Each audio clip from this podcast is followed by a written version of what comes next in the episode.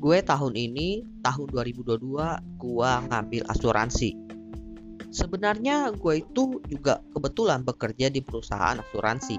Tapi uh, gue baru ngambilnya tahun ini. Padahal bisa dibilang udah dari tahun 2020 gue start kerja. Kenapa gue baru ngambil sekarang? Alasannya simple banget. Karena gue baru tahu baru tahu apa? Nah, gue baru tahu tentang apa itu asuransi, apa fungsinya, kemudian banyak hal tentang asuransi setelah gue bekerja di perusahaan ini. Dan jujur, gue adalah orang yang bisa dibilang punya first impression yang buruk terhadap asuransi. Tapi kini udah berubah menjadi jauh lebih positif ketimbang uh, mindset gue yang dulu. Bahkan dulu itu ketika gue uh, mencari tempat kerja, gue berusaha nggak nyari perusahaan asuransi.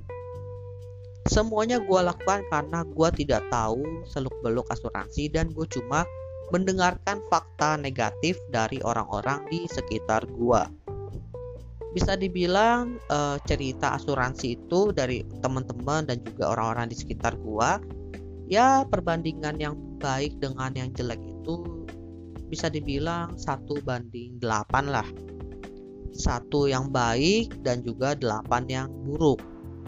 Makanya nggak heran di masa-masa awal gue sebelum bekerja di perusahaan asuransi, gue itu punya mindset yang jelek banget. Tapi semua berubah ketika gue masuk ke perusahaan asuransi dan bekerja di sana. Nah awalnya sih tetap aja masih ada perasaan gak enak ya.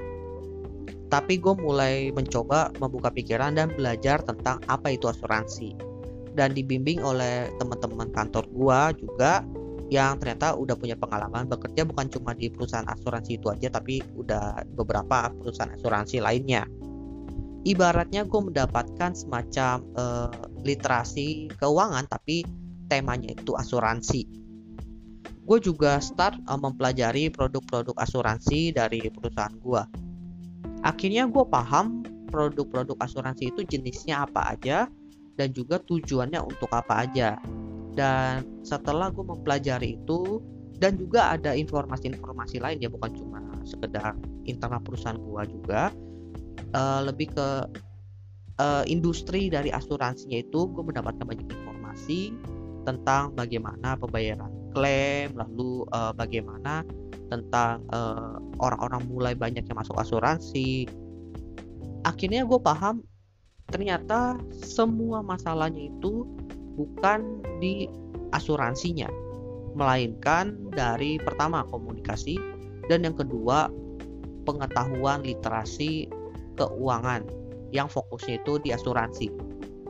Dan kasus ini pun sebenarnya bukan cuma terjadi di asuransi ya, bahkan di uh, investasi juga sama, kemudian di uh, financial planning juga sama, di mana orang yang uh, kurang dari segi knowledge tentang keuangan itu biasanya salah mengambil keputusan.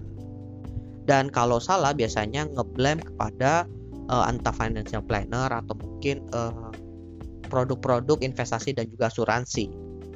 Tapi untungnya sekarang itu mulai banyak influencer keuangan yang mulai memberikan literasi kepada masyarakat sehingga ya bisa dibilang orang-orang mulai sedikit terbuka lah meskipun belum semuanya harapannya sih eh, ke depannya itu masyarakat mulai terbuka juga terhadap literasi keuangan. Bukan cuma tentang investasi lalu perencanaan keuangan tapi juga dari segi asuransi dan juga properti pokoknya produk-produk keuangan lainnya gitu. Meskipun uh, butuh waktu yang lama dan mungkin proses yang lama ya karena kan tidak terjun langsung ke dunia uh, industri keuangan. Karena memang agak beda sih gue lumayan fast learning di sini ketimbang di perusahaan gue yang lama yang non uh, financial service gitu. Sebenarnya pembahasan uh, tentang ini sih lumayan panjang ya, tapi ya pengen gue bilang bahwa uh, asuransi itu ternyata uh, tidak buruk. Yang dibutuhkan di sini adalah penyampaian yang detail dan jelas serta pemahaman terhadap produk asuransi dan juga kebutuhannya dulu. Lalu juga diselingi dengan pemahaman terhadap perusahaan penyedia asuransi tersebut apakah dia sudah terdaftar di eh, uh, OJK atau belum. Ya bisa dibilang pembahasannya bakalan panjang banget, tapi gue pengen bahas dan sharing itu aja di Daily kali ini.